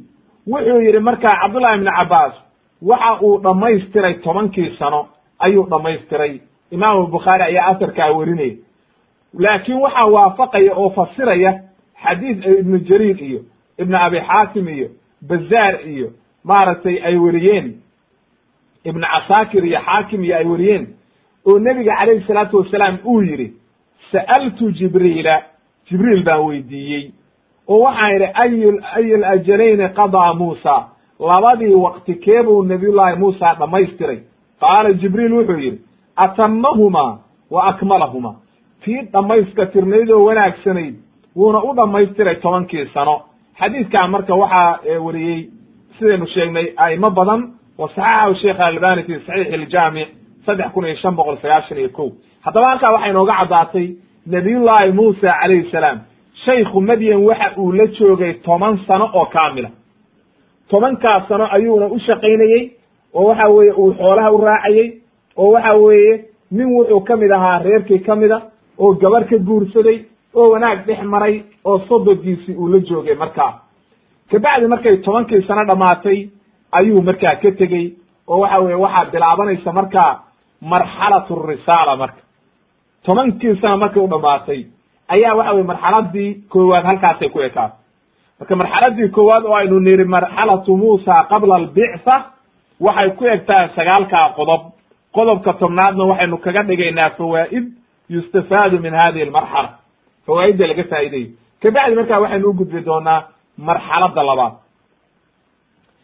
awalan waxaan ka faa'idaynaa qisadan macnaha awalan marka ugu horeysa inay horta waxa weeye nebinimadii nebi maxamed calayhi salaatu wasalaam leannahu nabiyullaahi muusa qisadiisii oo tafaftiran ayaa ilaahay uga sheekeeyey nebiga calayhi salaatu wasalaam sidaa daraaddeed marka halkaa waxaad ku ogaanaysaa sidqu nubuwati almuxamadiya bi hada alwaxyi alilaahiy macnaha waxyigaa ilaahiga oo taariikhda intaa ka soo wareegtay saa la inooga sheekeeyey rabbigii subxaana qaadirka ayaynu horta taasaynu ka faa'ideyna midda labaad waxaynu ka faa'ideynaa fadiilatu likhlaasi wanaagga ay leedahay ikhlaasku wa huwa iraadat llahi waxdahu bilcibaada dhaahiran wa baatinan leannahu ilaahay wuxuu yidhi inahu kaana mukhlasan wa kana rasuula nabiya wuxuu ahaa mukhlis ayuu ahaa lagu ammaanay nabiyullahi muusa calayhi salaam. Waxaynu kaloo ka faa'ideynaa ilaahay sida uu wanaagga uu galay nabiyullahi muusa calayhi salaam iyo wanaagga uu sameeyey iyo waxa weeye wanaaggiisa faraha badan ilaa iyo siduu u xifdiyey rasuul iyo nebina ilaahay inuu ka dhigay oo rasuul iyo nebi uu ahaa. Walaalkiina looga dhigay nebi. Intaasoo dhan baa la isugu daray oo wanaaga waxaynu kaloo ka faa'ideynaa qaacidada odhanaysa rasuul kasta waa nebi laakiin nebi kasta rasuul ma aha. Hadda nebiyullaahi haaruun calayhi salaam waxaynu leenahay waa nebi. Rasuul odhan mayno laakiin muusa waana nebi waana rasuul. Ayaynu ka faa'ideynaa waxaynu kaloo ka faa'ideynaa faa'idada lixaad. Altaxdiiru min adulmi dulmiga in la iska ilaaliyo. Leannahu dulmigu waa dhibaato. Aakhirkiisana qofkii mashaakil iyo dhibaato ku keenaya waa halaagayaa siduu fircoon u halaagsamay waxaynu kaloo ka faa'ideynaa tan toddobaad. Laa xadara maca alqadar. Qofku wixii ilaahay kuu qadaray si kasta haddaad yeeshid ma dhaafaysid. Dadaal aad samaysay iyo waxa weeye si kasta aad u dadaashid wixii ilaahay kuu qoray waa kugu dhacayaan. Oo waxa weeye waa wax ilaahay kuu qadaray. Leannahu fircoon wuxuu ka dadaalayey inaan wiil dhalan reer bani israa'iil oo xukunka ka qaada haddana intuu dhashay ayuu isagii koriyey oo la yidhi isaga laftigiisii kori oo waxa weeye kharashkiisii bixinayey oo wiil ka dhigtoo gurigiisii ku koriyey. Haddaba wix ilaahay kuu qadaray seegi maysid. Midda sideedaad waxaan ka faa'ideynaa taxriimu taxdiidi annasli biilzaami almawaadin bian laa yaziida calaa cadadin mucayan min alatfaali inay xaaraan tahay oo aan la odhan karin qofku intaa ka badan ma dhali karo waa xaaraam weeye. Ama ilmaha ha la cadaadiyo ama ilmaha ha la laayo inay dembiga ay leedahay inay khadiya aad u khatara tahay ayaynu ka faa'ideynaa marka qatlul awlaadi waa masiibo waa dhibaato. Arrintaa ayaynu ka faa'idaynaa la iska ilaaliyo oo ilmaha ilaahay baa risaaqaye ha la daayo. Waxaynu kaloo ka faa'idaynaa midda sagaalaad. Bayaanu tadbiir illahi tacaala liwliyaa'ihi ilaahay sida uu u daberayo wanaagga uu ugu samaynayo awliyadiisa bal u fiirso ummi muusa calayhi radia allahu canha markii uu ilaahay yidhi nuuji wiilka baddana ku tuur. Hooyaba la yidhi ilmahaaga badda ku tuur bal ka waran sida ilaahay qalbigeedii u sugay oo u wanaajiyey haddana markaa loogu bishaareeyey in loo soo celin doono oo haddana markaa loo soo celiyey. Midda tobnaad waxaynu ka faa'ideynaa bayaanu suu'i alkhadii'a wa aahaariha sayi'a maaragtay qofku hadduu xumaan sameeyo oo dembi badan galo dulmi uu sameeyo aakhirka dhibaatada ay leedahay iyo mashaakilka ka imaanaya inay maaragtay tahay damaar iyo halaag.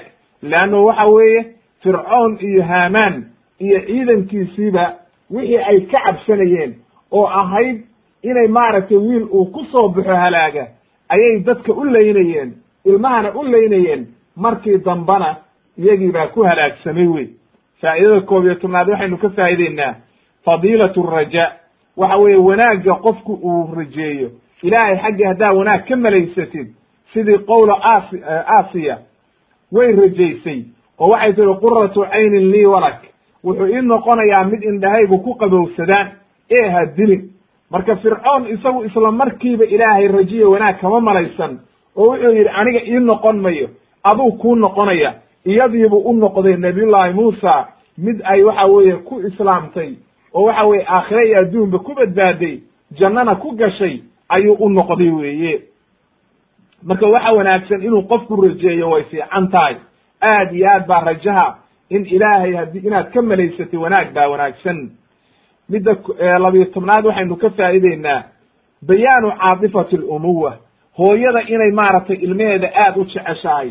Hooyooyinka marka in laga dadaalo oo waxa weye aad iyo aad loogu naxariisto oo waxa weye caasi lagu noqon leanno halkaa waxaad ka dareemaysaa hooyadu say ilmaha u jeceshahay. Wa as maaragtay markuu ilaahay waatuu yidhi ummi muusa wa asbaxa fu'aadu ummi muusa faariqa. Maaragtay nabiyullaahi muusa hooyadii welwel ay isagii ka welwelayso wax kaloo dhan waa ilowday. Dadkeedii oo kaleo dhan waa ilowday. Ilmihii waa ilowday. Keligii un bay ka welwelaysaa oo waxa weeye ay maaragtay ka welwelaysaa waxaynu kaloo ka faa'ideynaa midda afar iyo toban midda saddex iyo toban. Wanaagga ilaahayga subxaana qaadirkaa bal sida uu u u sabir siiyey ummi muusa hadduu qofku ilaahay ku xirmo ilaahay baa qalbigeeda waxa uu geliyey sabir ka buuxiyey markaasay sabirtay oo ayna muujin arrintii. Marka sabirku aad buu wanaagsan yahay ilaahayna ha laga baryo waa arrin aad u wanaagsan. Midda afar iyo tobnaad waxaynu ka faa'ideynaa taqriiru ana wacd allaahi xaq ilaahay wixii uu ballan qaado wacdiga iyo ballanta ilaahay qaado waa xaq wey ilaahaygu subxaana qaadirkaana wixii uu ballan qaado waa oofiyaa leanno ilaahay wuxuu ka ballan qaaday ummi muusa innaa raaduuhu ilayki buu yidhi ilaahay waana u soo celiyey oo waxa weeye rabbigii subxaana qaadirka waa u soo celiyey rasuulna waa ka dhigay shan iyo toban waxaynu ka faa'ideynaa nicmada ilaahay in lagu shukriyo leannu nabiyullaahi muusa calayhi salaam markuu ninkii dilay oo ilaahay u toobad keenay. Ilaahayna u dembi dhaafay.